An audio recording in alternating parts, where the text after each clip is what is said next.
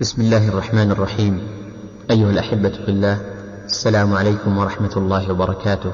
الحمد لله وكفى وسلام على عباده الذين اصطفى. أما بعد فيسر إخوانكم في مؤسسة الاستقامة الإسلامية للإنتاج والتوزيع في عنيزة أن يخرجوا لكم شرح كتاب الطلاق من زاد المستقنع لفضيلة الشيخ محمد بن صالح العثيمين حفظه الله ضمن دروسه التي يعقدها في الجامع الكبير في مدينة عنيزة.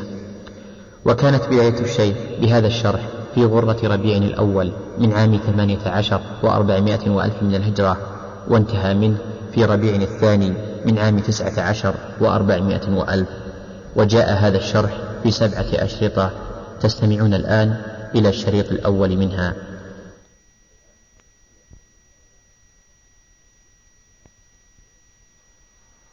في كل الدروس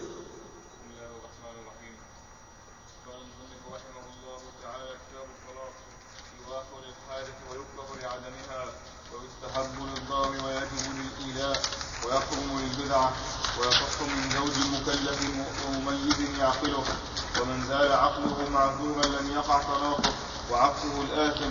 بسم الله الرحمن الرحيم. قال رحمه الله تعالى كتاب الطلاق. الطلاق هو فراق الزوجة ويكون قبل الدخول ويكون بعد الدخول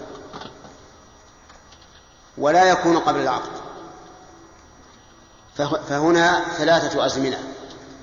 قبل العقد وبعده وقبل الدخول وبعد الدخول. أما قبل العقد فلا يقع لأنه طلاق. حل قيد النكاح الطلاق حل قيد النكاح. وإذا وقع قبل العقد فإنه ليس هناك عقد يحل فلا يقع قبل العقد.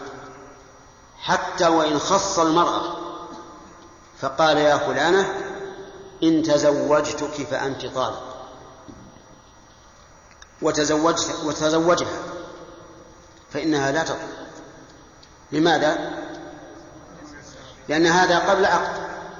ولو قال لها يا فلانة إن كلمت فلانا فأنت طالق.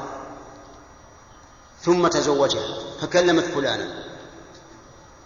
فإنها لا تطلق لأن هذا قبل العقد. والطلاق حل قيد النكاح. يعني حل العقد عقد النكاح وهذا ليس هناك عقد حتى يقال إنه حله. إذا وقع بعد العقد وقبل الدخول فهو واقع. لقول الله تبارك وتعالى يا أيها الذين آمنوا إذا نكحتم المؤمنات ثم طلقتموهن من قبل أن تمسوهن فما لكم عليهن من عدة تعتدونها فإذا عقد على امرأة وقبل أن يراها وقبل أن يخلو بها قال هي طالق تطلق. الثالث الزمن الثالث إذا كان بعد العقد والدخول يقع أو لا؟ يقع ولا إشكال فيه. طيب لو قال إن تزوجتك فأنت طالق. ما تقولون؟ لا يقع. لماذا؟ لأنه قبل عقد ولو قال لرقيق عبد مملوك إن ملكتك فأنت حر. فملكه نعم. لا يقع. قياسا على إيش؟ قياسا على الطلاق. فالطلاق قبل عقد النكاح لا يقع والعتق قبل الملك لا يقع. وإلى هذا ذهب كثير من العلماء وقالوا إن الإنسان ليس عليه عتق فيما لا يملك ولا طلاق فيما لا نعم ليس عليه عتق فيما لا يملك ولا طلاق فيما لا يملك. ولكن الإمام أحمد رحمه الله ذهب إلى أن العتق يقع. إذا قال للعبد إن ملكتك فأنت طالق فأنت حر فملكه صار حرا وفرق بينه وبين الطلاق بأن الملك يراد للعتق يعني أن الإنسان يشتري العبد ليعتقه لكن النكاح لا يراد للطلاق. يعني لا يمكن أن يقول إنسان آه إنه نكح فلانة ليطلقها أو لا. عجيب يا جماعة لا يمكن أبدا. اللهم إلا في مقام التحليل. إذا أراد أن أن يتزوج امرأة طلقها زوجها ثلاثا من أجل أن يحللها له وهذا النكاح لا يصح أصلا. لأن النبي صلى الله عليه وسلم لعن المحلل والمحللات. على كل حال الطلاق يشترط أن يكون بعد أجيب جميعا. بعد عقد النكاح. فإن وقع قبله فلا طلاق سواء كان معلقا أو منجزا. أما حكمه فقال المؤلف يباح للحاجة يعني يجوز أن يطلق الإنسان زوجته عند الحاجة. ومتى يكون عند الحاجة؟ إذا عرف الرجل أن زوجته قد سئمت البقاء معه وأنها ترغب أن يطلقها رغبة حقيقية.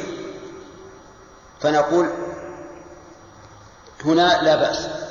وكذلك أيضا لكنه كما سيأتي يستحب إذا كان لحاجة الزوجة وإن كان لحاجة الزوج فهو مباح.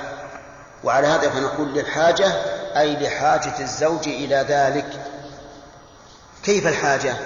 مثل أن يرى أن المقام معها سيكون نكدا. صعبا. فهنا الأفضل فهنا يباح له أن يطلق. يباح أن يطلق. وإن كانت تكره المرأة الطلاق؟ نعم وإن كانت تكره. لأنه أحيانا يتزوج الإنسان امرأة على زوجته الأولى.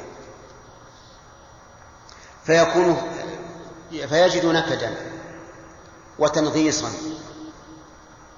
فيرى أن الحاجة داعية إلى أن يطلق إحدى المرأتين. فهنا نقول لا بأس ولكن الأفضل مع هذا الأفضل مع هذا أن يصبر وأن لا يتعجل في الطلاق. لقول الله تبارك وتعالى فإن كرهتموهن فعسى أن تكرهوا شيئا ويجعل الله فيه خيرا كثيرا. ينبغي أن يصبر ويحتسب والله تبارك وتعالى مقلب القلوب فربما يكون بغضه إياها محبة. وقال النبي صلى الله عليه وسلم لا يفرق مؤمن مؤمنة أي لا يبغضها. إن كره منها خلقا رضي منها خلقا آخر. الخلاصة. الحكم الأول في الطلاق أنه مباح. متى؟ إذا احتاج الزوج إلى ذلك. قال ويكره لعدمها يعني مع استقامة الحال وعدم الحاجة إلى الطلاق يكره أن يطلق رحمك الله. لما في ذلك من كسر قلب المرأة ومفارقتها ولا سيما إن كانت ذات يد بشارة. من بشارة. كلم.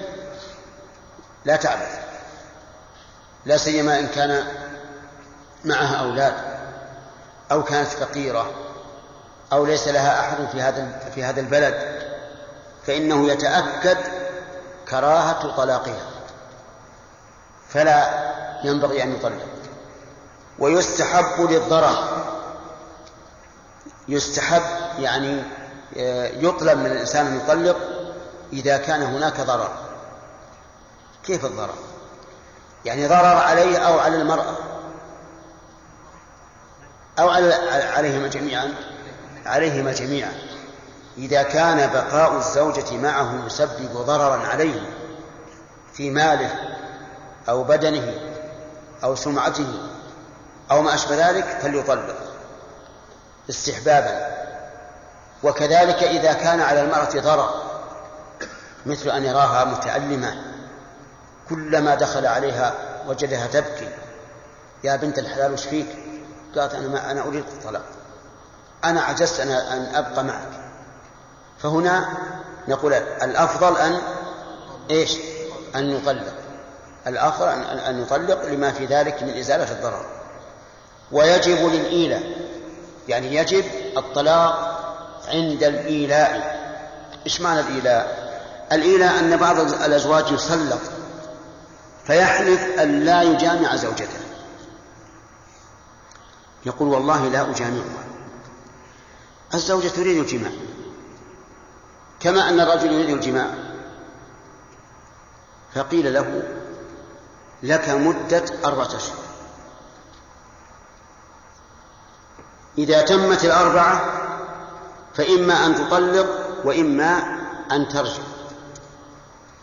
لقول الله تعالى للذين يؤلون من نسائهم تربص أربعة أشهر فإن فاءوا أي رجعوا إلى زوجاتهم فإن الله غفور رحيم وإن عزموا الطلاق فإن الله سميع عليم. وعلى هذا نقول للزوجة الآن تمت أربعة أشهر. يجب عليك أن تطلق أو ترجع. إذا قال ما أنا راجع؟ نقول يجب أن يطلق. فإن أبى أن يطلق طلق عليه القاضي. طلق القاضي. إذن يجب متى؟ للإيلاء. لو قال قائل هل يجب بالنظر؟ يعني لو نذر الإنسان أن يطلق زوجته هل يجب أن يطلق؟ لا. بل نقول لا تطلق. وكفر عن النذر. لأن هذا النذر أدنى أحواله أن نقول إنه نذر مكروه ونذر المكروه لا يوفى به لكنه يكفر كفارة يمين ويحرم للبدعة. يعني يحرم أن يطلق طلاق بدعة. وهنا هنا تعبير غريب. الفقهاء لا يتكلمون عن الشيء من حيث البدعة والسنة. الذي يتكلم عن البدع والسنة وأقسامها هم أصحاب العقائد والتوحيد. لكن في هذا الباب جعلوا سنة بدعة رحمهم الله. الطلاق البدعي الذي يكون حراما إذا طلقها وهي حائض نعم إذا طلق من عليها العدة وهي حائض أو في طهر جامعها فيه. انتبه. إذا طلق من تلزمها العدة في حيض أو طهر جامع فيه. أعيد مرة ثانية أزيد القيد. إذا إذا طلق من تلزمها العدة بالحيض في حيض أو في طهر جامعها فيه. إذا طلق عبد من تلزمها العدة بالحيض ها في حيض أو طهر جامعها فيه.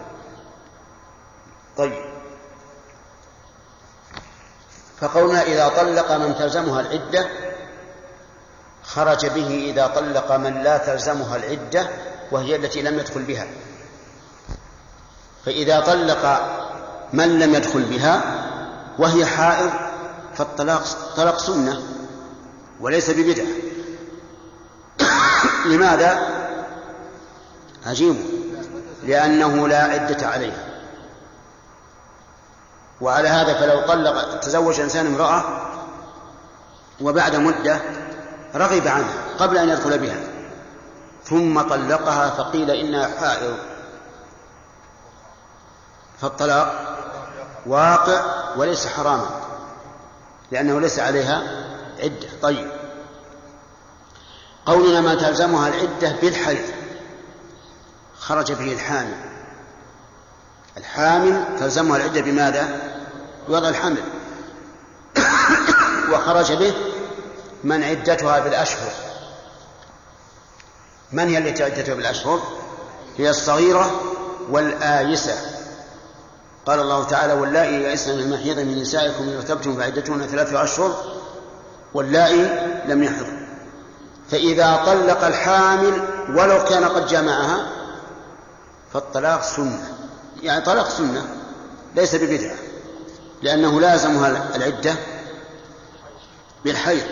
طيب ولو طلق آيسة وهي حائض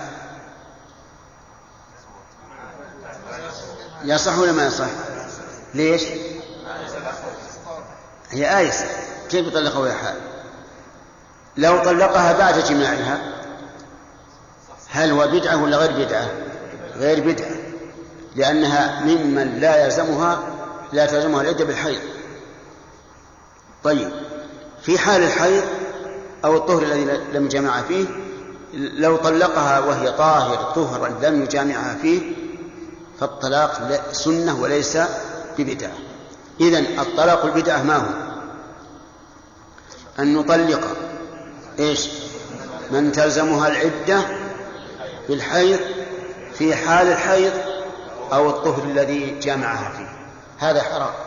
طيب هذا حرام آه، طلاق بدعة بالزمن.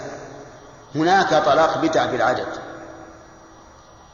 وهو أن يطلقها أكثر من مرة بأن يقول أنت طالق أنت طالق. إذا لم يرد التوكيد فهذا طلاق محرم. يعني إرداف الطلاق بالطلاق حرام وهو بدعة. لكن هل يقع أو لا يقع؟ أكثر العلماء على أنه يقع. والقول الراجح أنه لا يقع. القول الراجح أنه لا يقع. يعني لو إنسان طلق زوجته قال أنت طالق أنت طالق كم تطلق على قول الراجح؟ واحد فقط. لأن الثانية بدعة والبدعة لا يجوز إقرارها ولو قلنا بوقوع الطلاق لزم من ذلك إقرار البدعة. وإقرار البدعة منكر. ثم إن قول الرسول صلى الله عليه وسلم من عمل عملا ليس عليه أمرنا فهو رد يقتضي أن الطلقة الثانية إيش؟ مردودة لا تقع. لأنها غير مأمور بها. طيب طلقها اليوم قال أنت طالق. غدا قال أنت طالق. كم تقع؟ واحدة أمس واحدة اليوم؟ الجميع واحدة. الجميع واحدة لماذا؟ لأن الطلقة الثانية طلقة بدعة والبدعة لا يمكن أن تقع. كل بدعة ضلالة ومن عمل عملا ليس عليه أمرنا فهو رد. واضح ولا غير واضح؟ واضح. هذا ما أقرره وهو الذي قرره شيخ الإسلام ابن تيمية واختاره شيخنا عبد الرحمن بن سعدي رحمه الله وقال إن من, من, من تأمل هذا القول وجد أنه القول الذي لا يسوغ القول بخلافه لأن أدلته قوية واضحة. طيب. قال لزوجته أنت طالق ثم حاضت وحاضت الثانية وقال أنت طالق. يقع أو لا يقع؟ لا يقع. لا يقع. لأن هذا طلاق بدعة. إذ آه وقد قال الله تعالى يا أيها النبي إذا طلقتم النساء فطلقوهن لعدتهن. الطلقة الأخيرة هذه التي في الحيضة التي بين الحيضة الثانية والثالثة ما هي طلقة لعدة؟ لأنه لو طلقها لم تستأنف العدة. إذا طلقها بين الحيض الثانية والثالثة وحاضت الثالثة انقضت عدته كما قال الفقهاء رحمهم الله. فهذا الرجل ما طلق للعدة. لو طلق للعدة لكان إيش؟ تستأنف العدة. وإذا لم يكن طلق للعدة فقد خالف أمر الله عز وجل.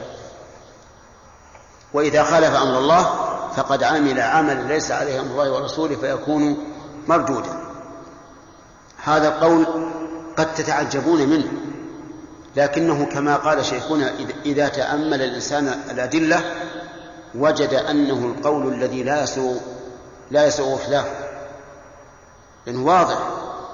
وإن كان هذا خلاف رأي الجمهور طيب إذا يحرم لإيش؟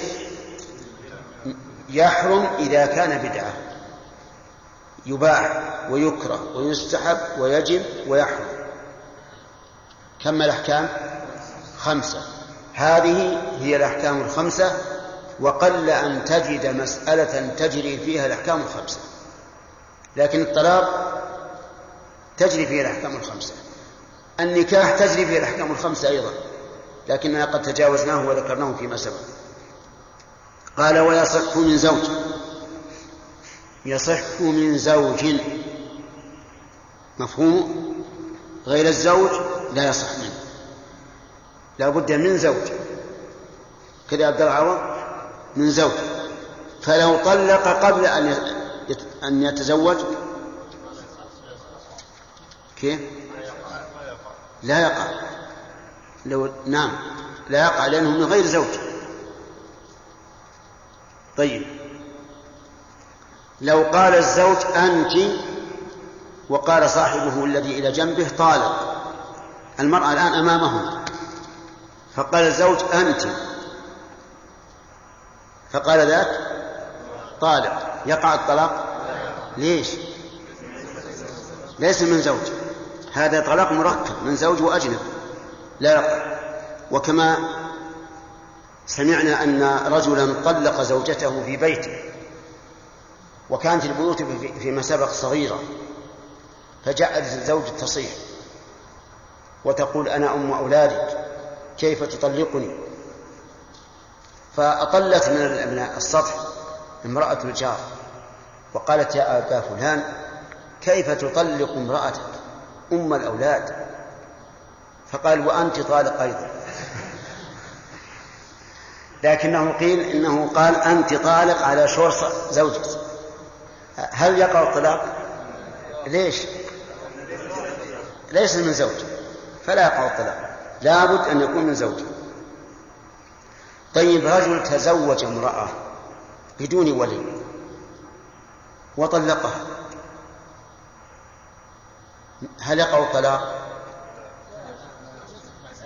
لا يقع الطلاق لأن هذا النكاح غير صحيح فلم تكن المرأة به زوجة وهو لا بد أن يكون من من زوج. طيب رجل تزوج امرأة بدون شهود ثم طلقها. إن قلنا إن الإشهاد شرط للصحة لم يقع الطلاق لأن النكاح لم لم يصح أصلا ولا بد أن يكون من زوج. رجل تزوج امرأة في عدتها من من الوفاة امرأة توفي عنها زوجها فقام رجل وتزوجها في العدة. ثم طلقها. يصح الطلاق؟ ليش؟ لأنه ليس من زوج. إذ أن العقد في العدة غير صحيح. رجل تزوج امرأة بنكاح شغار ثم طلقها. يصح؟ لا يصح. لا يصح الطلاق. لماذا؟ لأن العقد غير صحيح فهي ليست زوجة. لعلكم تظنون أن قولنا لا يصح الطلاق يعني لا, لا يفرق بينهما. وليس كذلك. أصلا هي ليست زوجته. هي حكما مفرق بينها وبين زوجها. فأنا شفت بعضكم يتلكى إذا قلنا لا يصح الطلاق يظن أنها لا تفارقه لا بد أن تفارقه لكن هذا الطلاق لا يعتبر. فلا يحسب عليه فيما لو تزوجها فيما بعد. إذا يصح من من إيش؟ من زوج. مكلف أي بالغ عاقل. هذا معنى المكلف. البالغ العاقل. وبماذا يحصل البلوغ؟ الأخ. نعم. بماذا يحصل البلوغ؟ بإنبات شعر العانة إنبات شعر العانة أو غلظ الصوت. إيش؟ أو غلظ الصوت. طيب وإن كان جعل له صوتا دقيقا من من حين ولد إلى أن يموت. ما يبلغ؟ إذا احتلم إذا احتلم إذا إذا أنزل منيا لشهوة. طيب هذه واحد. اثنتين ثالث. يعني أضربت عن غلظ الصوت الآن؟ ما أضربت.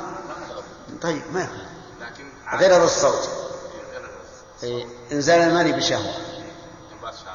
ثلاثة. هذه ثلاثة. انبات شعر العانة غلظ الصوت إنزال المني بشهوة تجاوز العمر. تجاوز العمر كم؟ عشرين؟ كم؟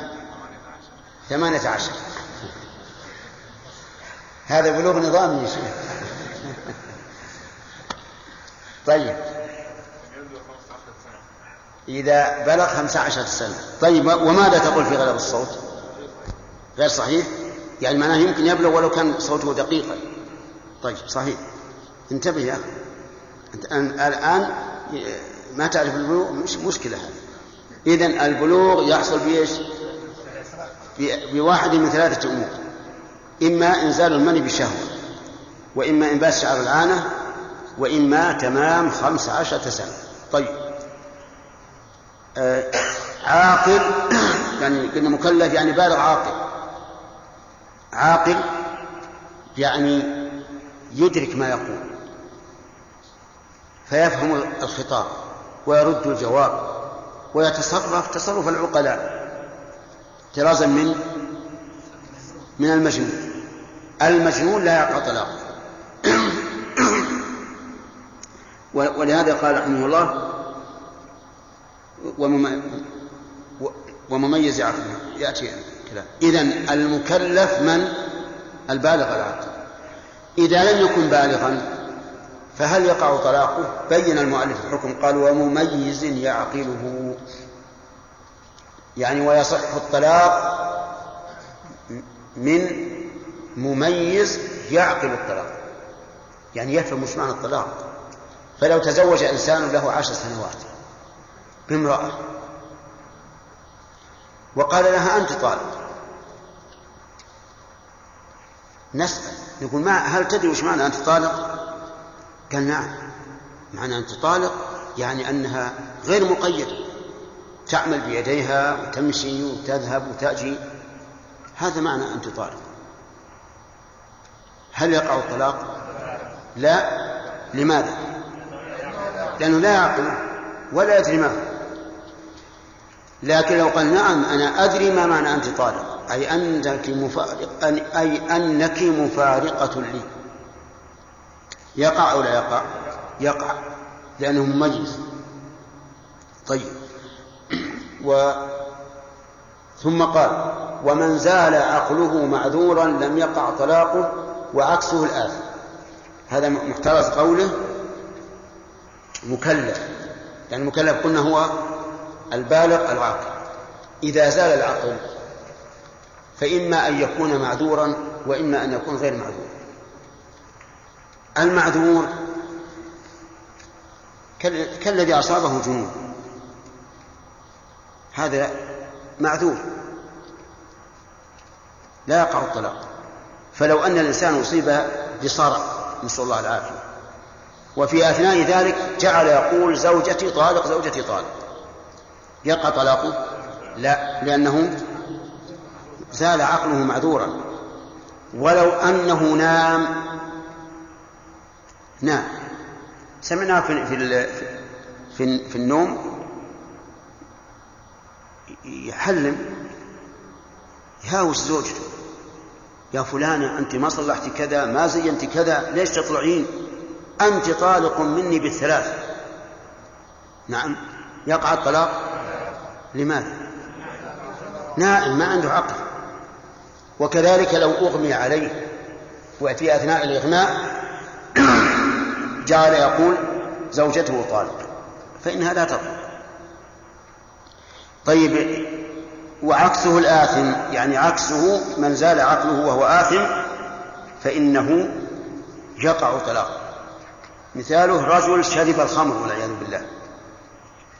عالما أنه حرام. وفي أثناء سكره سكره في أثناء سكره قال زوجته طالق. يقع الطلاق. يقول على كلام المؤلف يقع الطلاق لأنه آثم. من الذي من الذي أباح له أن يشرب الخمر؟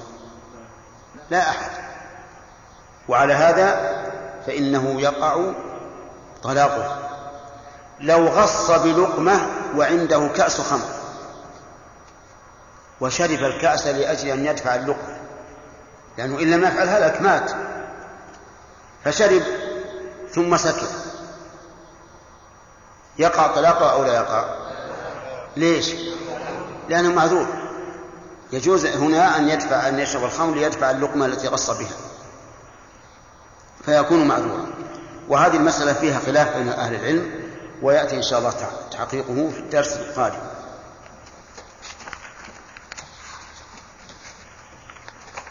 نعم. طيب. إيش؟ المؤلم. نعم. هل من الإيلة؟ لا بالأقرأ. كل من ارتفع حيضها لسبب معلوم فإنها تنتظر حتى يعود الحيض. نعم.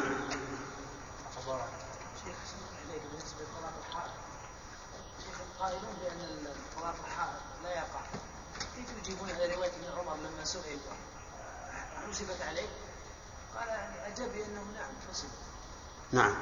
حسبت عليه في الإثم. ويدل لهذا ما رواه أبو داود بسند صحيح أنه لم يرها شيئا. وهذا هو الراجح. والأدلة تدل على هذا. لكن عليه جمهور العلماء على أنه يقع الطلاق. بالنسبة للإفتاء وعمل العمل يعني لا ينبغي أن نطلق بأنه لا يقع أو بأنه يقع. لو جاءنا إنسان وقال إنه طلق زوجته الآن طلق زوجته الآن وكانت أول طلقة قبل عشر سنوات في حيض والطلقة الثانية بعد خمس قبل خمس سنوات في طهن جامعها فيه وهذه الطلقة الثالثة في طهر لم يجامعها فيه. ماذا يريد من هذا الكلام؟ يريد أن نلغي الطلقة الأولى والثانية لأجل أن يصح أن يراجع. هذا لا نفتيه بأن بأن الطلاق لا يقع. بل نقول الطلاق واقع. لأنه حين طلق أول مرة كان ملتزما بإيش؟ بوقوع الطلاق بدليل أنه لو تزوجت بعد انتهاء العدة أيهاجم الزوج ويقول هذه زوجتي؟ أبدا. وكذلك في الطلاق الثاني. لكن لو جاءنا وهي في العدة وقال إنه طلق وهي حائض حينئذ نأمره كما أمر الرسول عليه الصلاة والسلام بن عمر أن أن يراجعه. انتبهوا لهذا لأن العلم شيء والتربية شيء آخر. ولهذا كان عمر رضي الله عنه يمنع من رجوع الرجل إذا طلق ثلاثا أن يرجع إلى زوجته. تربية للناس. وهذه مسألة يغفل عنها كثير من العلماء. لا أقول من طلبة العلم بل حتى من العلماء. لا يسوسون الناس حتى يلتزموا بشريعة الله. خلاص طلقوا يا حائض ما يقع الحيض ما يقع الطلاق. يا رجل الآن فكر إنه طلق وهي حائض بالأول. إيش؟ ما فكر ولا جاء أسأل. ولهذا رأيت كلاما للشيخ عبد الله بابطين العالم المشهور الذي يسمى مفتي الديار مفتي الديار النجدية يقول إن بعضهم إذا طلق الثالثة قال والله النكاح ما في شهود عقد النكاح ما في شهود أو في شهود يشربون الدخان. وشرب الدخان؟ يوجب الفسق إذا أصر عليه الإنسان. وشهادة الفاسق غير معتد بها. يقول ما شاء الله. الآن تدري أن شرب الدخان حرام وأنها لا تصح لا, لا تصح شهادة شاربه هذا غير صحيح. ولا يمكن الإنسان لأن تلاعب بالشرع. فأقول الآن إذا كان الشيخ عبد الله بن رحمه الله قال إنهم يقدحون في العقد فنحن نقول إنهم يلعبون بالطلاق. بالأمس كان الطلاق بالحيض إيش؟ جائزا واقعا ولو تزوجت امرأته مرح طالب واليوم يقول إنه طلق وهي حال ولهذا كثيرا من الناس الآن يأتوننا يكون طلق طلق زوجته الطلقة الثالثة و وكانت الأولى في حيض وهي حائض. يقول والله أنا طلقتها وهي حائض. ما شاء الله الآن صرت فقيه تعرف أن طلاق الحائض حرام وغير واقع. لذلك يجب يا إخواني أنتم طلبة علم إن شاء الله يرجى لكم أن تكونوا من أهل الفتوى. انتبهوا لهذه المسألة. سياسة الخلق بالحق. فالعلم ليس هو العلم النظري العلم نظري وتربوي والنظر للتربية أمر مهم. وأنا ذكرت لكم إنه من السياسة الشرعية سياسة عمر بن الخطاب. بل حتى القرآن مو سياسة عمر بن الخطاب. قال الله تعالى ولا تسبوا الذين يدعون من دون الله فيسبوا الله. يعني لا يجوز أني, أني أسب بوذا مثلا لرجل يعبده. لماذا؟ إذا سببته إيش؟ قال سب جعل يسب الله. وسبه لله عدوا عدوا بغير علم. وسبي لصنمه حق. لكنه لما كان يترتب عليه محرم منع. واضح الآن؟ طيب إذا انتبهوا لهذه المسألة. عمر بن الخطاب رضي الله عنه لما رأى الناس كثر فيهم أنت طالق أنت طالق أنت طالق قال إن الناس قد تعجلوا في أمر كانت لهم فيه أنات فلو أمضيناه عليهم فأمضاه أمضاه عليهم. وقال ما يمكن ترجع لزوجتك. لماذا؟ لأنه هو الذي فعل ذلك بنفسه. طلقها ثلاثا. بيع أمهات الأولاد. يعني بيع السلية إذا جاءت بولد من سيدها. في عهد الرسول عليه الصلاة والسلام حلال. لكن الناس عندهم خشية من الله لا يمكن أن يبيع هذه السلية ولها أولاد منه فيفرق بينها وبين وبين أولادها. فكانوا لا يبيعون أولاد فكانوا لا يبيعون أمهات الأولاد أمهات الأولاد إذا كان هناك ولد يخشى أن يفرق بينه وبينها. لكن في عهد عمر تجرؤوا. وصاروا يبيعون أمهات أمهات الأولاد مع وجود أولادهن الصغار. فمنع من ذلك. مع أن البيع في الأصل حلال لكن منع منه لأن الناس تجرؤوا على فعل المحرم به. فمنعه. هذه السياسة الشرعية مستقاة من الكتاب والسنة وسنة الخلفاء الراشدين. وأكثر طلبة العلم لا يهتمون بهذا ينظرون إلى صورة الواقع بقطع النظر عما يترتب عليه. وهذا نقص نقص في العلم والتوجيه والتربية. نسأل الله لنا ولكم الهداية والتوفيق. وأنا أهم شيء عندي هو تربية الخلق ليقوموا بالحق. هذا أهم شيء. أما لكن بشرط أن لا يكون فيه تجاوز وتعد لحدود الله فهذا لا, لا يمكن أن يقول به أحد. لا انتهى الوقت. خمس؟ طيب. بسم الله الرحمن الرحيم. سبق لنا أن الطلاق تجري فيه الأحكام الخمسة أي أنه يكون واجبا ومحرما ومندوبا ومكروها ومباحا. وسبق أنه يصح من من الزوج دون غيره. وأن الرجل لو قال للامرأة إن تزوجتك فأنت طالق ثم تزوجها فإنها لا تطلق لأنه حين قوله ليس زوجا له. وسبق أنه لا يصح إلا من زوج إلا من مكلف أو مميز يعقله. والمكلف هو البالغ العاقل لكن من دون البلوغ إذا كان يعقل الطلاق فإنه يقع منه.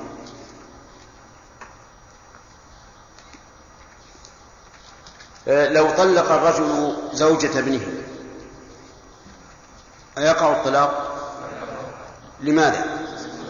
لأنه ليس زوجا حتى لو كان الابن مميزا يعقل الطلاق وطلق عنه أبوه وقال إن هذه المرأة سيطرت على عقل ولدي فأريد أن أطلقها. لأن بقاها يضره فإنها لا تقل لأن الطلاق لمن أخذ بالساق أي للزوج فقط.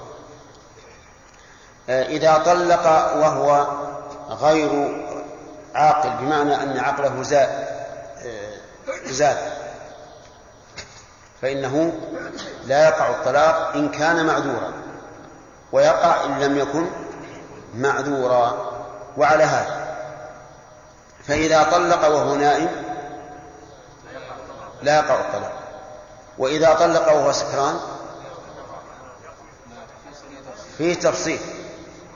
إن كان قد شرب الخمر يعلم أنها خمر. فإن طلاقه يقع. وإن كان شرب الخمر لا يعلم أنها خمر فإن طلاقه لا يقع لأنه معذور. وكذلك لو أكره على شرب الخمر فشرب ثم طلق وهو سكران فإن طلاقه لا يقع لأنه معذور. طيب لو لو بنج وفي أثناء البنج طلق فطلاقه لا يقع لأنه معذور. ولهذا قال المؤلف ومن زال عقله معذورا لم يقع طلاقه وعكسه الآثم يعني غير المعذور يعني غير المعذور. والصحيح في هذه المسألة أنه لا يقع طلاقه سواء كان معذورا أم غير معذور. وعلى هذا فطلاق السكران لا يقع. ودليل ذلك أن الحكم في الطلاق مرتب على عقله أي على عقل الطلاق. والسكران لا يقع الطلاق لا لا يعقل الطلاق ولا يدري ما يقول. بنص القرآن الكريم. قال الله تعالى يا أيها الذين آمنوا لا تقربوا الصلاة وأنتم سكارى حتى تعلموا ما تقولون.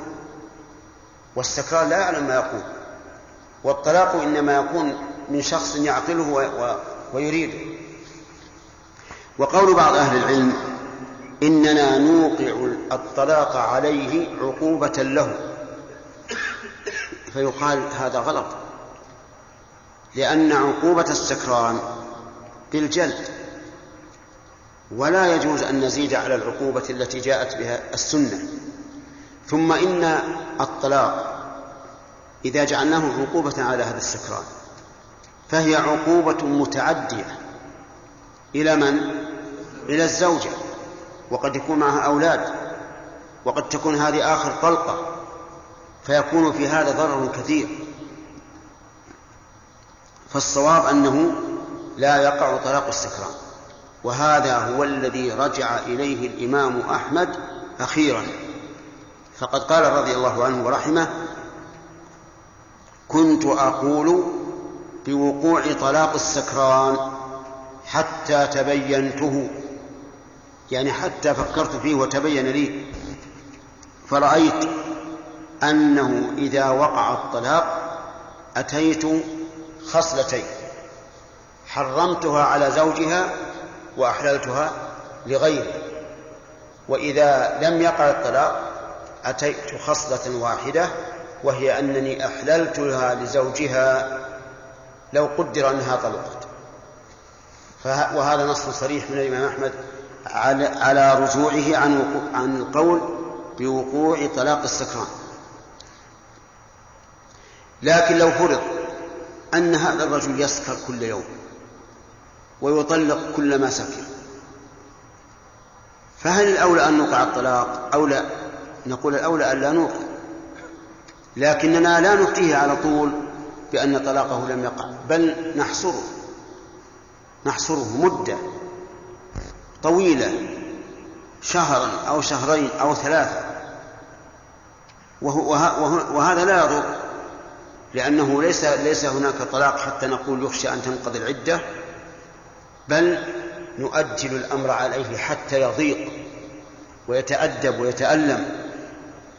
لأن كوننا نقول لهذا الرجل سكر وطلق زوجته وجاء يستفتي لا, لا طلاق عليك لا يهمه أن يسكر مرة أخرى لكن إذا قلنا لا نفتي أنت فعلت محرما ولا عذر لك ولا نفتيك بأنه لا يقوى الطلاق.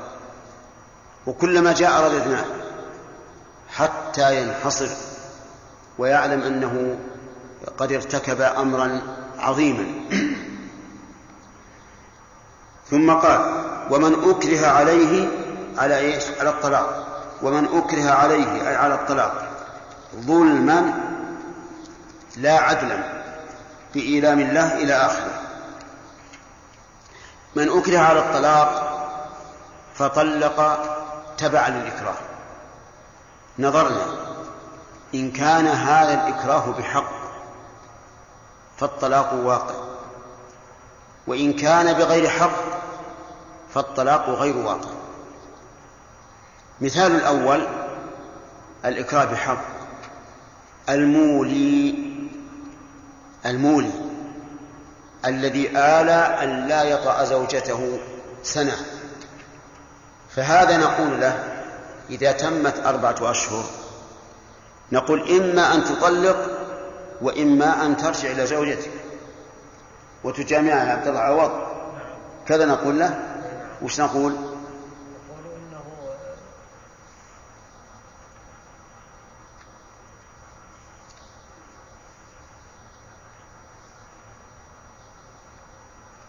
يلا الحق ولو كان مرا يعني يعني إننا ننعس. لا يعني أقول نقول إني في نعاس. قل نعم يا أخي ما في مشكلة. لا نفتيه بأن طلاقه يعني غير واقع. هو سكران.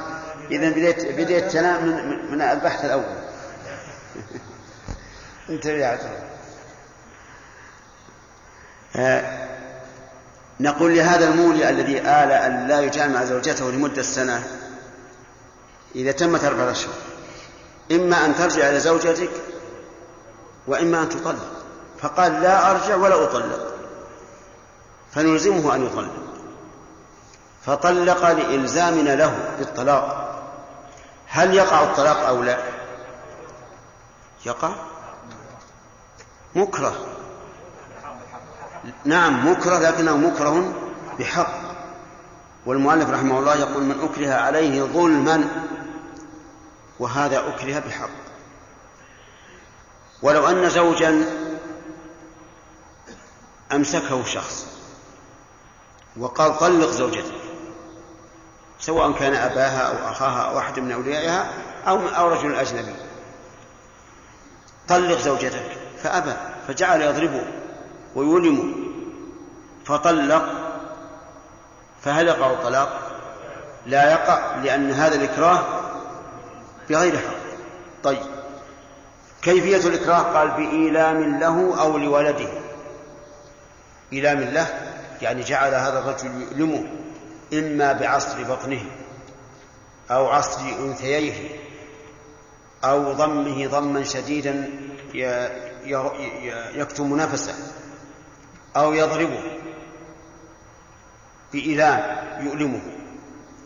هذا مكره. أو يؤلم ولده. ومثل هذا الزوج معه ولد. فقيل له طلق زوجتك. قال لا أطلقها. من فضلك اقلب الشريط.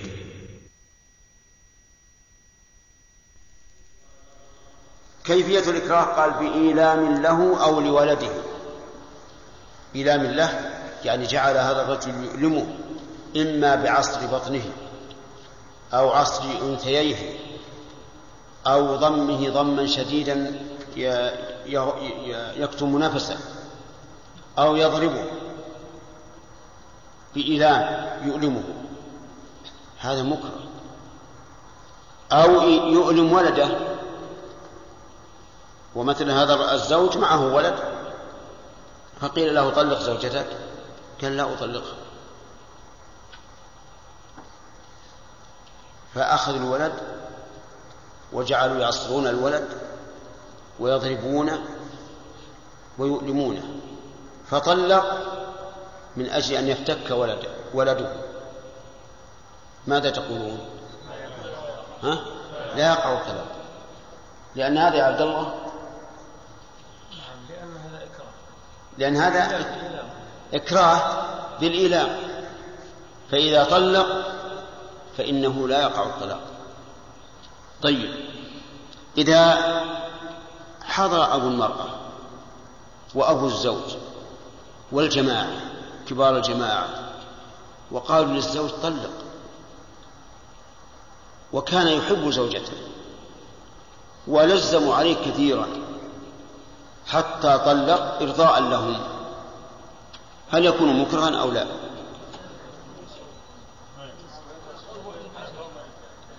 المؤلف فسر الإكراه بإيلام الله أو لولده. هذا ليس بإكراه. بعض الناس يأتي يستفتي يقول أنا ما طلقتها إلا مكره. حضر أبوها وحضر أبي وحضر فلان وفلان وأمروني أن أطلق. فاستحييت فطلقت. فيقال هذا ليس بإكراه. لماذا لم تصمم وتقول أنا أحب زوجتي وزوجتي ليس فيها مطعم في دينها ولا خلقها ولا أطلق؟ إذن هذا ليس بإكراه.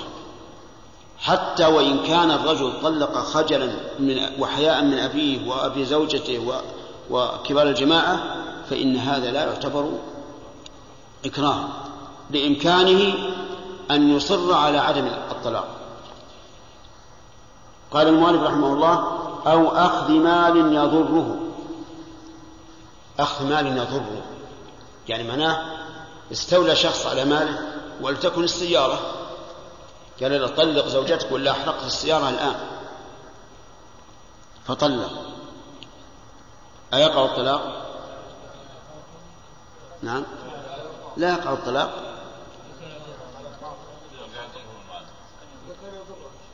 معلوم يضر. السيارة التي يمشي عليها ويذهب إليها و...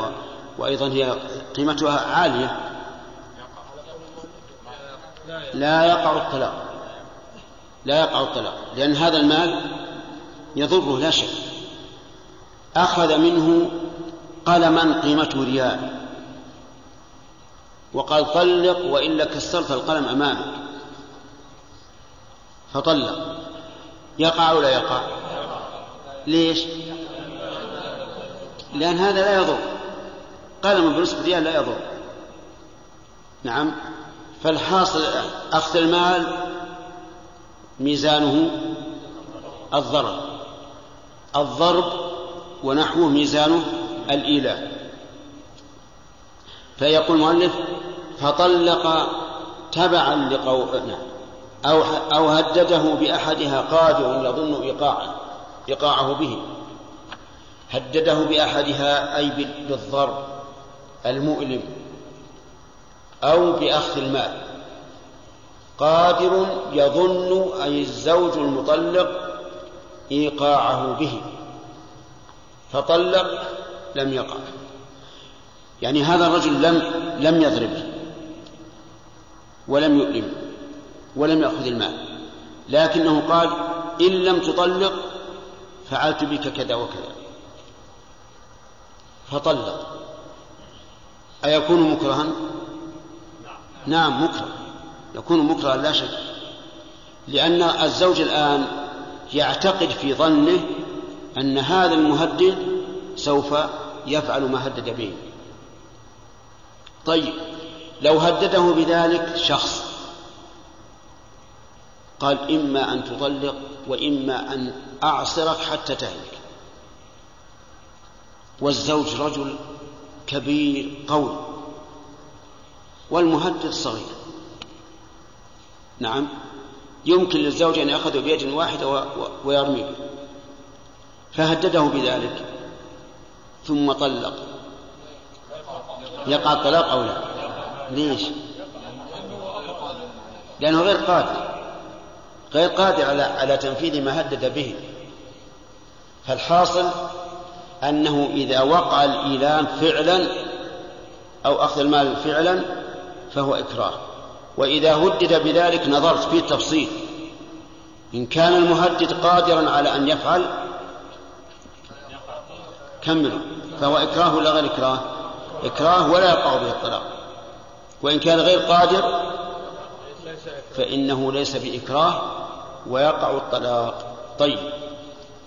لكن المؤلف رحمه الله يقول فطلق تبعا لقوله لم يقع. هذه نقطة مهمة. المؤلف رحمه الله اشترط في الإكراه أن يطلق تبعا لقول المكره. نعم.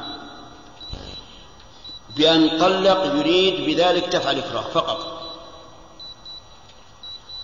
فإنه لا يقع الطلاق. فإن أراد إيقاع الطلاق لأنه مكره فإنه يقع. مثال ذلك هذا الرجل الذي أخذه الظالم وآلمه بالضرب طلق طلق زوجته. في حال طلاقه إياها لم يتصور إلا أنه طلقها فعلا. على كلام المؤلف يكون الطلاق واقعا لأنه قصد إيقاع الطلاق. أما إذا كان أراد بذلك أن أن يسلم من من الأذى والإيلام يعني دفع الإكراه فقط فإنه لا يقع. يعني فالمؤلف رحمه الله يفرق بين أن يطلق لدفع الإكراه أو أن يطلق من الإكراه. إن كان طلق لدفع الإكراه فهو قد قصد دفع الإكراه ما قصد الطلاق. والأعمال بالنيات. وإن طلق من أجل الإكراه فقد قصد الطلاق. لكن الذي حمله على الطلاق هو الإكراه. فيكون بذلك مطلقا ويقع الطلاق. هذا التفصيل في كلام المؤلف لكن القول الراجح أنه لا يقع الطلاق سواء أراد التخلص من الإكراه أم أراد الطلاق من أجل الإكراه. الصواب أن حكم المسألتين واحد لأن لأن العلة هو أنه طلق مغلقا عليه. وقد قال النبي صلى الله عليه وعلى آله وسلم لا طلاق في إغلاق. لا طلاق في إغلاق. وهذا الرجل لولا هذا الإكراه ما طلق. فالصواب إذن أنه لا فرق بين الصورتين والأخ يبين الصورتين الفرق بينهما. إما أن يطلق. نعم. نعم. إما أن يطلق مريدا دفع الإكراه فهذا لا يقع لأنه لم ينوي الطلاق. نعم.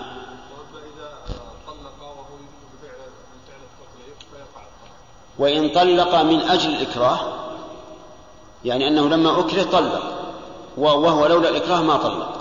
فهذا على كلام المؤلف يقع الطلاق لأنه هنا قال فطلق تبعا لقوله لا قصدا للطلاق. فصار كلام المؤلف فيه التفصيل والقول الراجح أنه لا تفصيل فيه وأن الطلاق لا يقع. لا يقع سواء أراد بذلك دفع الإكراه أو أراد الطلاق. لأنه إن إن أراد دفع الإكراه فإنه لم ينوي الطلاق والأعمال بالنيات وإن وإن طلق من أجل الإكراه فقد طلق مغلقا عليه وقد قال النبي صلى الله عليه وسلم لا طلاق في إغلاق. نعم. أي؟ الصورة الثانية في صورة الإكراه نعم. الصورة الأولى تخلصا من الإكراه فقلنا إنه لا يقع نعم. والصورة الثانية أنه طلق تبعا للإكراه لا ما هو تبع. طلق يريد الطلاق لكن من أجل أنه أكره عليه طب لماذا يطلق في هذه الحالة؟ نعم هو طلق. قيل له طلق ولا ولا حبسناك أو ضربناك أو أخذنا مالك؟ هو أيضا يطلق من أجل الخلاص من هذه العقوبة التي لا لا لا. هو طلق يريد الطلاق. طلق يريد الطلاق لكن لأنه أكره عليه. وأما الصورة الأولى فهو لم يطلق يريد الطلاق. لكن أراد الفكاك من هؤلاء الذين آه الذين أكرهوا ففرق بين الإرادتين. هذا أراد التخلص من الإكراه وهذا أراد الطلاق لأنه أكره عليه.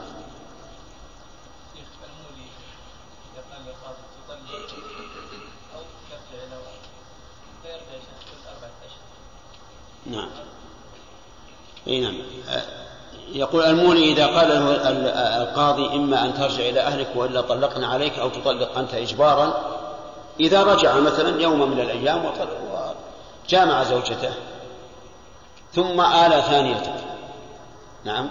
هذا نقول على رأي من يرى أن الوطأ لا يجب على الزوج إلا في أربعة أشهر نقول هذا قام بالواجب. ولكن القول الصحيح أنه يجب عليه الوطي حسب العرف. وبناء على هذا نقول إذا آل مرة ثانية وعرفنا أن قصده الإضرار بالزوجة فسخنا منه فسخنا النكاح لقوله تعالى ولا تمسكوهن ضرارا لتعتدوا. نعم. بالنسبة لطلاق السكران صلاة؟ نعم. بعض العلماء يفرق بين وبين إيش؟ الطافح وغير الطافح بين إيش؟ الطافح يعني الذي ذهب عقله بالكلية. وبين يعني من لا يزال في عقله شيء ولكن سكران يطلق عليه لفظ السكران ولكن بقي في عقله بقية. لا وجه لهذا التفريق. لأن الذي ليس سكره تاما لا يعلم ما يقول. كأنه في حلم. كان كأنه في حلم ما يعرف لكن يا شيخ لو علم ما يقول لكن ظاهره السكر. السكران لا يقع طلاقا مطلقا. طلاق ليس بالأمر الهين. ولا ينبغي أن يقال نحتاط لأن الاحتياط في بقاء المرأة ليس في الطلاق والورع في بقاء المرأة ليس في, الطلاق لأنك إذا طل... إذا حكمت بالطلاق وهو لم يقع أحللتها أحللها للناس وتزوجها الناس وهي ذات زوج. ولهذا أشار الإمام أحمد رحمه الله فيما سقت لكم قبل قليل إلى أننا إذا حكمنا بالطلاق أتينا إيش؟ خصلتين. منعناها من زوجها الذي الأصل بقاء نكاح وأحللناها لغيره. ولهذا من قال إن مسائل الشك الورع فيها التزام الطلاق فإن قوله مردود. بل الورع في مسائل الشك هو إبقاء الزوجة هذا هو الورع. لأن المسألة ما هي هينة؟ المسألة أنك ستحرمها من زوجها وأولادها وتحلها لآخر أين الورع في هذا؟ لكن إذا أبقيتها مع زوجها ما في شيء بقيت على الأصل. فالصواب أن جميع الشك جميع مسائل الشك في الطلاق الأصل فيها بقاء. إيش؟ بقاء النكاح. لأن هذا هو الورع وهو الحق. أي نعم أخذنا خمس دقائق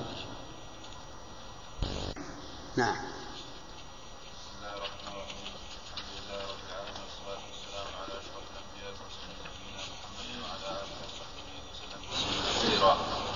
قال المؤلف رحمه الله تعالى ويقع الطلاق في نكاح مختلف فيه ومن الغضبان ووكيله. ومن الغضبان ووكيله كهو. ومن الغضبان ووكيله كهو ويطلق ويطلق واحدة. يطلق. ويطلق واحدة. ومتى شاء إلا أن يعين له وقتا وعددا. بس.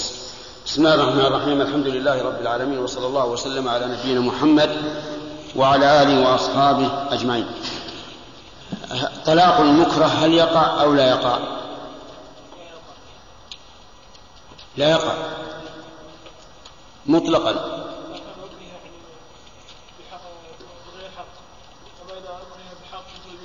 إن أكل بحق وقع. وبغير حق لا يقع مطلقا.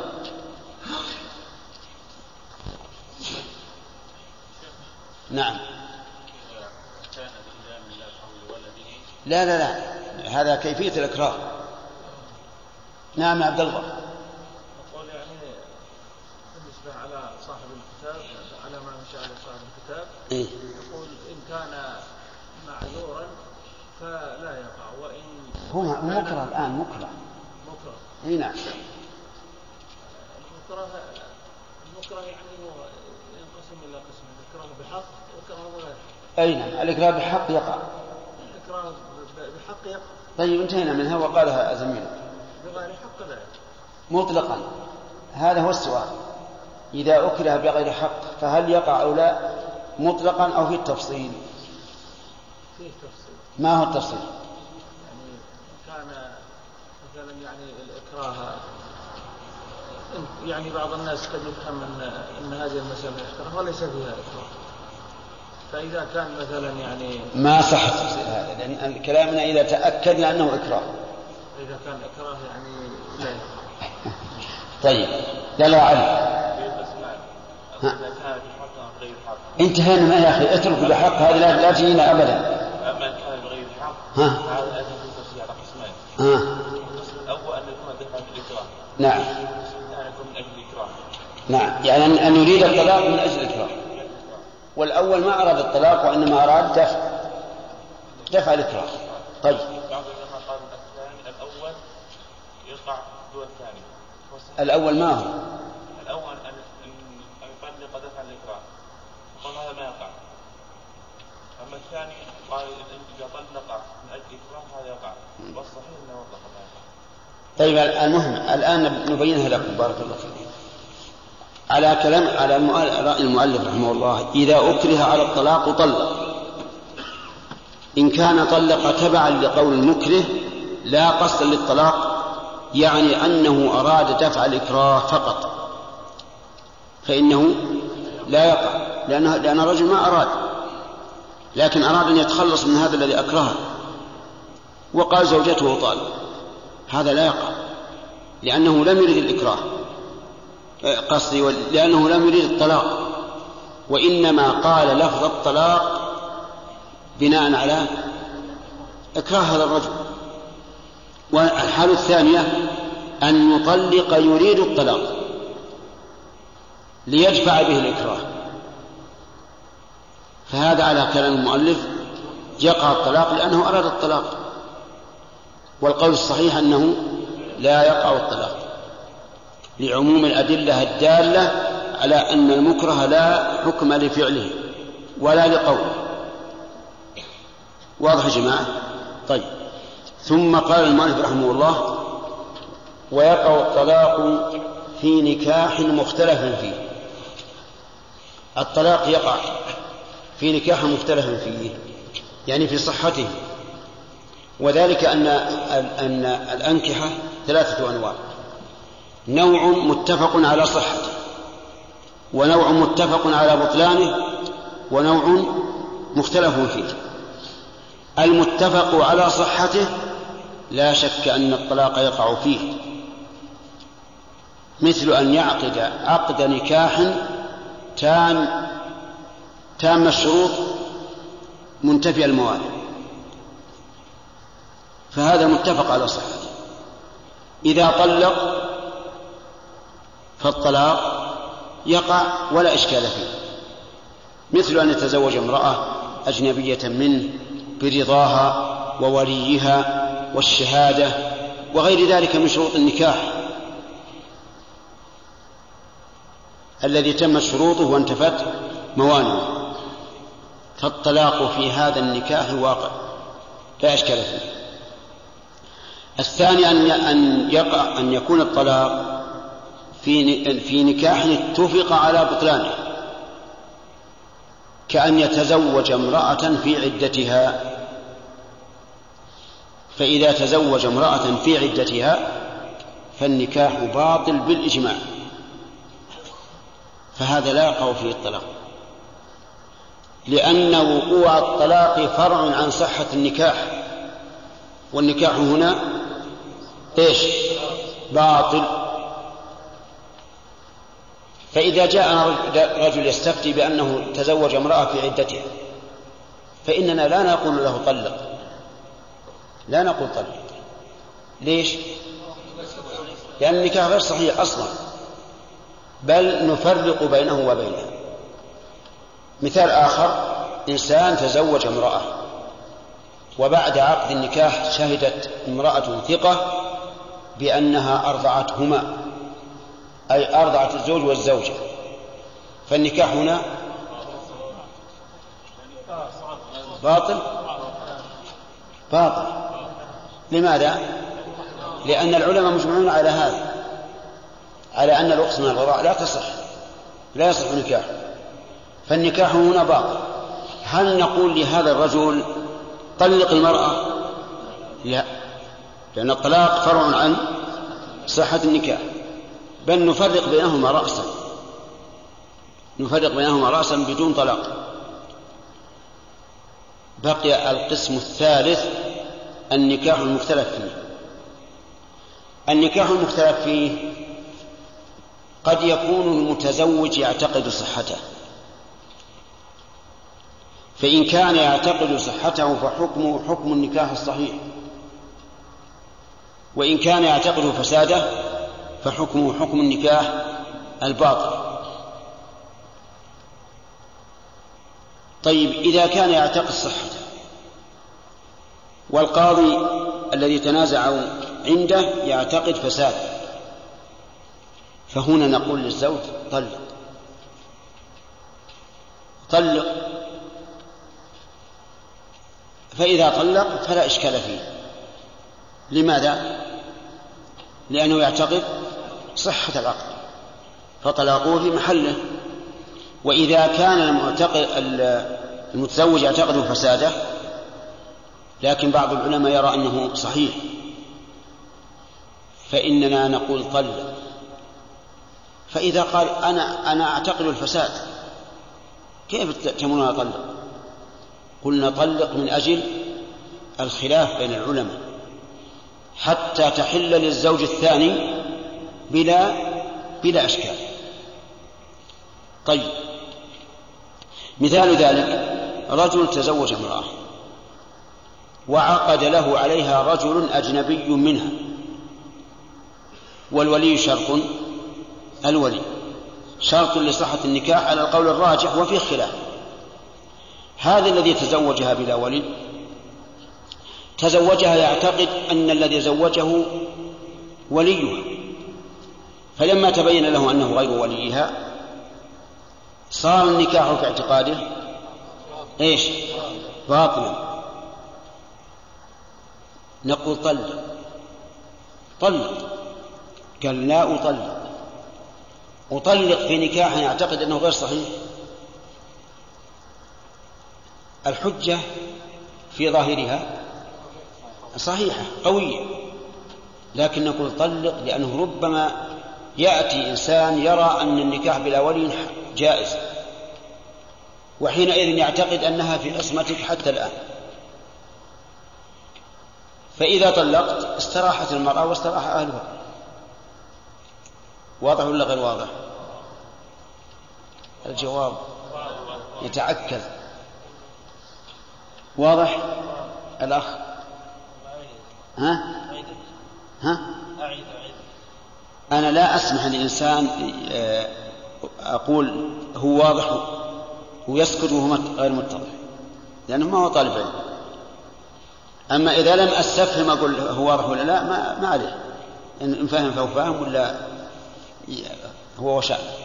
لكن إذا كررنا بلا أنت فاهم لازم يكون صريح ما فهمت. المثال مرة ثانية. رجل تزوج امرأة. وعقد له عليها شخص أجنبي منها له عمها ولا أخوها ولا أبوها وهو يعتقد أنه وليها. تبين أن الرجل إيش؟ غير ولي أجنبي. الزوج يعتقد أن النكاح بلا ولي فاسد. فهمت الآن ولا ما فهمت؟ هل يمكن واحد يزوج امرأة ويقول أنا وليها وهو غير ولي؟ لا ما هو شرعا هل يمكن شرعا؟ ما يمكن لكن هل يمكن وقوعا؟ يمكن. يمكن يزوج ما أكثر المتحيرين. يقول هذه أختي ولا بنتي ولا ما أشبه ذلك وتزوج وذاك بيعطيه عشرين ريال أو ثلاثين ريال علشان قريب الزوجة. على كل حال القضية الآن رجل تزوج امرأة بولي أجنبي غير ولي في الواقع لكن هو قال أنه وليه فتزوجها ثم تبين أنه أجنبي والزوج يعتقد أنه لا نكاح إلا بولي النكاح عند الزوج الآن فاسد. كذا؟ طيب. قيل له طلق لأن الزوج الآن لما لما علم أن العاقد أجنبي ما هو ما راح يستحلها يعتقد أنها. أنها أجنبية منه. قيل له طلق قال من مطلق؟ أطلق امرأة أنا أصلا ما. ما نكحتها نقول طلق علشان إيش؟ لأن لا يأتي إنسان ويقول النكاح بلا ولي صحيح وإذا كان بلا ولي صحيح بقت المرأة إيش؟ في حبال الرجل الأول في حبال الرجل الأول إذا لم يطلقها هذا معنى قول المؤلف يقع النكاح أي يقع الطلاق في نكاح مختلف فيه. طيب أمثلة للنكاح المختلف فيه؟ ما أكثر الأمثلة. إذا رضعت المرأة من أم الزوج مرة واحدة. بعض العلماء يقول إنها لا تحل له لأنها أخته وبعض العلماء يقول تحل له لأنها ليست أختا له. من الذين يقولون لا تحل له لأنها أخته؟ هم الذين يقولون إن الرضاع لا يحتاج إلى عدد وأن مجرد إرضاء المرأة الطفلة تكون أما لها. طيب إنسان تزوج امرأة قد رضعت من أمه ثلاث مرات النكاح مختلف فيه النكاح مختلف فيه. لأن بعض العلماء يقول إذا رضعت ثلاث مرات صارت بنتا للمرضعة. وبعض العلماء يقول لا لا تكون بنتا لها إلا إذا رضعت خمس رضعات. إذا النكاح هنا إيش؟ مختلف فيه. رجل تزوج امرأة بلا ولي لكنها امرأة عاقلة رشيدة تعرف اللي ينفع اللي يضرها وتزوجها بلا ولي ما تقول في النكاح. مختلف فيه. بعض العلماء يقول الولي ليس بشرط فالنكاح صحيح. وبعضهم يقول إن إنه لا بد من ولي فالنكاح غير صحيح. وأنا أحكي الأقوال دون دون الترجيح لأن ليس هذا محل ترجيح. وإلا من المعلوم أن الرضاع لا يحرم إلا إذا كان خمس رضعات وأن النكاح لا يصح إلا بولي. هذا نكاح مختلف فيه. طيب. تزوج امرأة بولي وبجميع الشروط إلا أنه بلا شهود. النكاح مختلف فيه.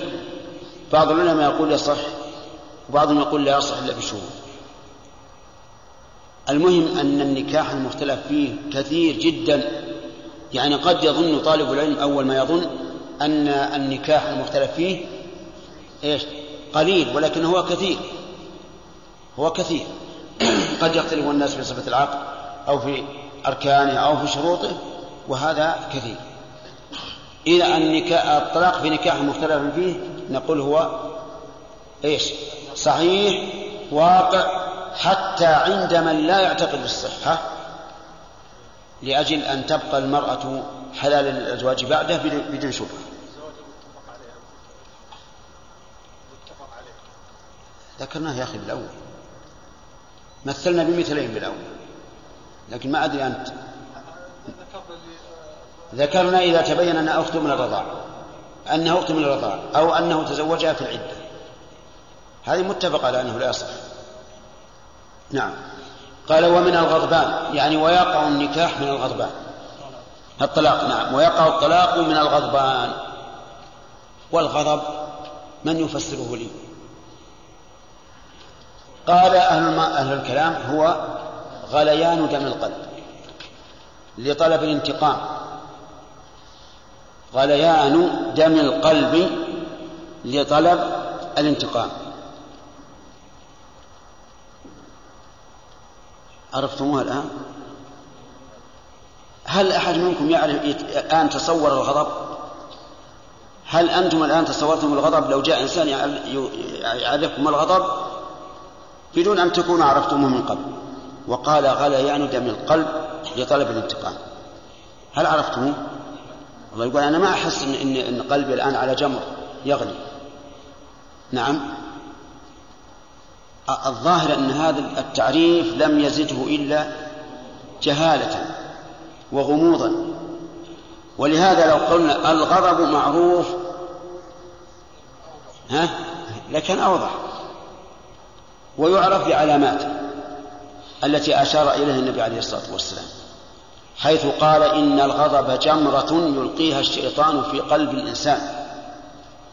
ألا ترون إلى انتفاخ أوداجه واحمرار وجهه أو ما أشبه ذلك أو كما قال عليه الصلاة والسلام. فعرفه النبي عليه الصلاة والسلام بأصله ونتائجه. أصله جمرة يلقيها الشيطان في قلب ابن آدم. حرارة يجد الإنسان في نفسه. ثم تنتفخ الأوداج يعني العروق ويحمر الوجه وربما ينتشر الشعر يقف. نعم. وتجد الإنسان نفسه كأنه يغلي يغلي. هذا الغضب وإن شئت ألا تطيل على نفسك فقل الغضب معروف والحمد لله. إذا غضب الإنسان على زوجته وطلقها في حال الغضب يقول المؤلف إن إن الطلاق يقع. يقول إن الطلاق يقع لأن الرجل طلق ولم يكره وهو يعرف معنى الطلاق. فيكون الطلاق واقع والحكم نافذ مع الغضب بنص السنة. الحكم نافذ مع الغضب بنص السنة. فقد حكم النبي صلى الله عليه وسلم بين الزبير ورجل من الأنصار في ماء في ماء المطر. فقال الرجل المحكوم عليه أن كان ابن عمتك يا رسول الله؟ يعني حكمت له لأنه ابن عمتك. فغضب النبي عليه الصلاة والسلام. وقال يا زبير أصل حتى يصل الماء الجدر ثم أرسله إلى جارك. هنا نفذ الحكم أو لم ينفذ؟ نفذ مع الغضب. فإذا نفذ الحكم مع الغضب وهو بين الناس فالحكم بين الإنسان وبين زوجته من باب أولى فيقع طلاق الغضبان. عرفتم؟ والغالب أن الغضب أن الطلاق ما يقع إلا لسبب يصحبه الغضب ثم يطلق. لا تجد إنسان يطلق زوجته وهو راض عنها طيب. أفادنا المؤلف رحمه الله أن الطلاق يقع من الغضبان وأطلق فلا فرق عنده بين الغضب الشديد والغضب الخفيف. وذهب بعض العلماء إلى التفصيل في ذلك. وقد ذكر ابن القيم رحمه الله أن الغضب ثلاث درجات. أولى ووسطى وعليا. أما الدرجة العليا قال فلا يقع فيها الطلاق بالاتفاق. العليا. والعليا هي أن يصل الإنسان إلى إلى درجة لا يدري ما يقول ولا يدري أهو إنسان أو, أو, أو ملك. ولا يدري أهو في السماء أو الأرض ولا يدري أن هل الزوجة زوجة أو سيارة. يعني يفقد شعوره بالكلية. وهل يقع هذا ولا ما يقع؟ ها؟ يقع. بعض الناس عصبي يصل به الغضب إلى هذه الدرجة. يقول شيء ابن القيم هذا لا يقع طلاقه بالاتفاق. فالدرجة العليا من الغضب لا يقع فيها الطلاق.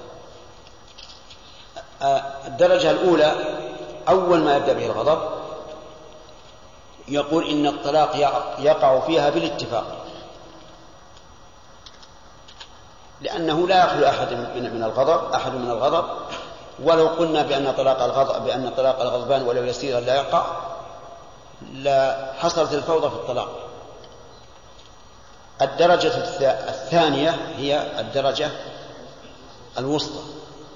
الإنسان يعي ما يقول ويدري أنه في الأرض ويدري أنه يخاطب زوجته لكن الغضب لشدته ألجأه إلى أن يطلق فهذا فيه خلاف. من العلماء من يقول إنه لا يقع الطلاق ومنهم من يقول إنه يقع الطلاق. أي أي القولين أخذ به المؤلف؟ أنه يقع أو لا يقع؟ يقع. هذا محل خلاف بين العلماء. فمنهم من يقول إن هذا ملجأ إلى الطلاق فلا طلاق عليه لقول النبي صلى الله عليه وعلى آله وسلم لا طلاق في إغلاق لا طلاق في إغلاق وهذا مغلق عليه. وجد من نفسه أن شيئا يضغط عليه ليطلق. وأنه في حال لا يتحمل البقاء مع زوجته. ولا هو يعي ما يقول. فهذا محل خلاف. من العلماء من يقول إنه لا يقع طلاقه يا عبد الله بن عوض. وين أنت؟ ومنهم من يقول إنه يقع. ترى فيه يا عبد الله يا عبد الله بن عوض فيه رشاش. يرش الماء. أتريد أن نأتي به؟ أجب إيه هو إذا حصل موجب. لا بأس. فيها أظن حجاج آه، الغاط. نعم. يبخ الماء بقوة. إن شاء الله أحضره لنا. أحضره لنا. نعم. لا لا. ما يرش من قبل. إذا إذا صوبته عليه أصابه ولم يصب غيره. طيب على كل حال هذا محل خلاف بين العلماء والذي يظهر لي أنه لا يقع الطلاق فيه كما هو اختيار ابن القيم وشيخ الإسلام ابن تيمية وجماعة من العلماء. واستدلوا بالحديث الذي ذكرت لكم وهو لا طلاق في إغلاق. فهو نظريا هو القول الراجح لأنه كالمكره. لكن عمليا وتربويا. هل نقول بالفتوى به؟ أو نمنع الفتوى به إلا في حالات معينة نعرف فيها صدق الزوج؟ الثاني لا شك أنه الثاني. لأننا لو أطلقنا القول بأن طلاق الغضبان لا يقع. لم تلأنا امتلأت مجالسنا ممن يقول أنا غضبت طلقت وهو لا يفرق بين الدرجة الأولى والدرجة الثانية فيقع التلاعب. ولهذا إطلاق الفتوى به أي بعدم وقوع الطلاق من الغضبان يؤدي إلى أن يتتايع الناس في الطلاق. فإذا رأى الإنسان من من الزوج أنه رجل مستقيم لا يمكن أن يتهاون. فحينئذ يتوجه القول بالفتوى أنه لا يقع الطلاق. وإذا رأى من سيما الرجل أنه متهاون يريد أن أن ترجع إليه زوجته بأي بأي سبيل فهنا ينبغي أن يفتي بوقوع الطلاق. وهذا من باب سياسة الخلق. والسياسة لها شأن عظيم في الشريعة الإسلامية. حتى في الأمور الحسية السياسة لها شأن عظيم. ربما نمنع هذا الرجل من أكل هذا الطعام المعين وهو حلال الطعام لأنه يضره. ولا نمنع الآخر لأنه لا يضره. فمثل السياسة والتربية أمر أيها الطلبة يجب التفطن له. وأن لا تكون الفتوى مطلقة هكذا في كل زمان ومكان. ولا يخفى علينا السياسة العمرية أنه رضي الله أن عمر رضي الله عنه منع الرجل من الرجوع إلى زوجته إذا طلقها ثلاثا لأنه حرام. فكثر من الناس فمنعهم من المراجعة. وقال أن أرى الناس تتايعوا في أمر كانت لهم فيه أنات فلو, فلو أمضيناه عليهم فأمضاه. فالسياسة أمر مهم. ولهذا مر بي أن رجلا أفتى ابنه بمسألة نسيتها بمسألة فكأن الابن توقف. فقال إما أن تفعل وإلا أفتيتك بقول فلان الذي هو أشد من القول الأول. مما يدل على أن السياسة سياسة, سياسة الناس في الأمور الشرعية لا بأس بها. من ذلك مثلا ما صار يدندن به بعض الطلبة من أن تارك الواجب في الحج ليس عليه شيء. وقال إنه لا دليل على ذلك إلا الأثر عن ابن عباس من ترك شيئا من نسكه أو نسله فليهرق دما وهذا ليس بصريح في الوجوب لجواز أن يكون ابن عباس أراد بالأمر الاستحباب والندب وليس مضطردا أيضا لأنه يقول من ترك شيئا من نسكه وهذا فيه أنساك كثيرة ما فيها دم. فلماذا نوجب على الناس أن يذبحوا فدية إذا تركوا الواجب؟ وهذا تضمين إضاعة لأموالهم في غير أمر واضح. لأن الرجل سيسأل الفدية ب 400 ريال 500 ريال أقل أكثر. فلماذا نلزمهم بإضاعة مالهم بدون سبب شرعي؟ فيدندن حول هذا. نحن نقول لو قدرنا جدلا أنه ليس فيه دليل. لكن أليس من سياسة الخلق أن يلزموا بهذا بهذا القول الذي عليه جمهور العلماء؟ يعني ليس هذا قولا شاذا حتى نقول لا ينبغي سلوكه. لكنه قول عليه جمهور العلماء. أليس من الحكمة أن يعمل بهذا القول من أجل سياسة الخلق وضبط الخلق؟ لأنه لو قيل للرجل الذي ترك الوقوف بعرفة إلى الغروب يعني دفع قبل الغروب ولم يبت في مزدلفة ولم يرجع ولم يرمي الجمرات ولم يبت في منى وقلنا له والله نعم وأحرم من دون الميقات. وقلنا له ليس عليك إلا الاستغفار والتوبة. هل هذا راجع؟ نعم أعتقد أنه لا, لا يرجع. ولذلك إذا أفتينا إنسانا في غير هذه المسألة وقلنا عليك التوبة والاستغفار قال بس هذا. يعني كان يقول إن شئت أملالك الدنيا كلها توبة واستغفارا.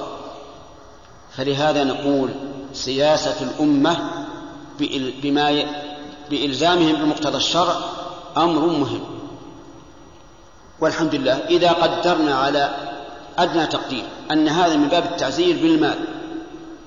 فالتعزير بالمال جائز شرعا. ثبت به السنة. انتهى الوقت. نعم.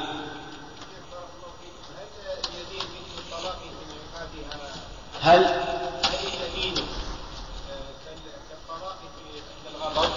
لها درجات ثلاث كذلك هذه ستأتينا إن شاء الله في تعليق الطلاق يا كمال.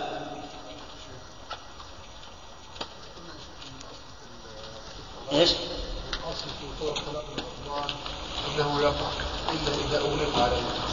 لكن إيش؟ نقول إن طلاق الرضوان الأصل انه يقع نعم. إلا إذا أغلق عليه. نعم. نعم. ما يكون لا لا التفصيل طيب. التفصيل طيب. وهذا اعتراض خفي على طريقتنا يا يا زكي.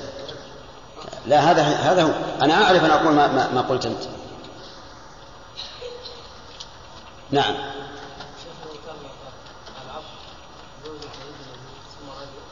نعم. أعد السؤال. لو لو طلق الرجل الأب. إيه. هذه مر علينا مر علينا في أول كتاب الطلاق. قلنا إنه لا يصح الطلاق إلا من الزوج وأن الأب لا يطلق زوجة أبيه والابن لا يطلق زوجة أبيه حتى لو فرض أن الأب خرف. وصار لا يعرف. ما يمكن أن تطلق أن تطلق. نعم.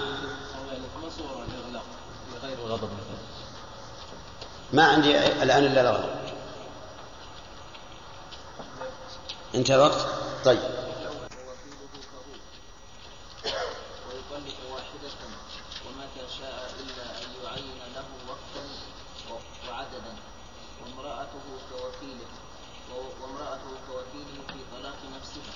بسم الله الرحمن الرحيم. سبق لنا أن الطلاق يقع من الغضبان. وذكرنا أن الغضبان له ثلاث كم؟ ثلاث حالات. الأولى ابتداء الغضب والثانية انتهاؤه والثالثة الوسط. وذكرنا أن الخلاف إنما هو في الوسط. أما إذا بلغ منتهاه فإنه لا يقع الطلاق بلا نزاع. وأما في أوله فيقع الطلاق بلا نزاع.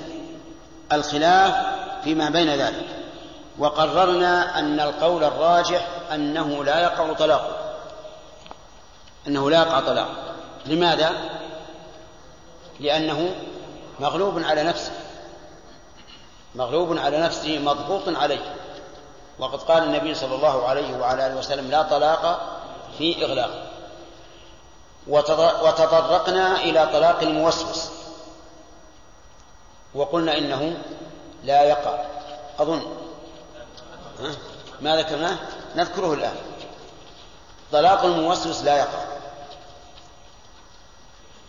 لأنه مغلوب على أمره. الموسوس نسأل الله لنا وكم العافية يوسوس أنه طلق زوجته. ويتراءى له أنه طلقه. وأحيانا إذا لبس ثوبه قال إني طلقت زوجتي. قلت إن, لبس إن لبست ثوبي فهي طالق بل إذا فتح المصحف قال لعلي طلقت زوجتي. هذا هذا الرجل لو قال امرأتي فلانة طالق فليس عليه شيء. السبب أنه مغلوب لأن بعضهم يصرح بعض الموسوسين من شدة الضيق يصرح بأنه طلق من أجل الوسواس. أيها الإخوة إخوانكم في مؤسسة الاستقامة الإسلامية للإنتاج والتوزيع في عنيزة يرجون لكم علما نافعا ويحبون إشعاركم بأن هذا الشرح لم يكتمل في هذا الشريط. ويمكن متابعة الشريط الذي بعده.